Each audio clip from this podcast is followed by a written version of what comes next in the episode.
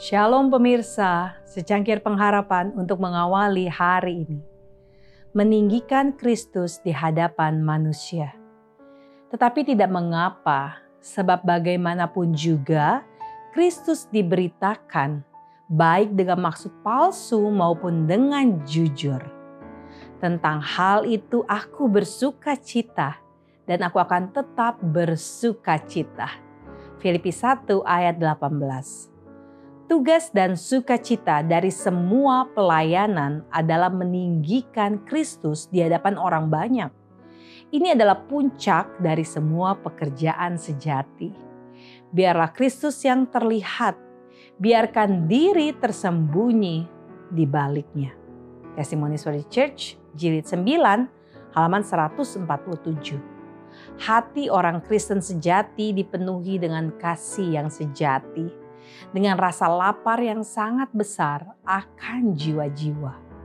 Dia tidak beristirahat sampai dia melakukan semua yang ada dalam kuasanya untuk mencari dan menyelamatkan yang hilang.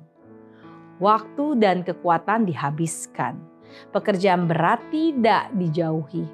Orang lain harus diberi kebenaran yang telah membawa ke dalam jiwanya sendiri kegembiraan dan kedamaian dan sukacita dalam Roh Kudus. Ketika jiwa yang benar-benar bertobat menikmati kasih Allah, dia akan merasakan kewajibannya untuk memikul kuk dengan Kristus dan bekerja selaras dengan Dia. Roh Kristus ada padanya. Dia menyatakan kasih, simpati, dan belas kasihan Juru Selamat.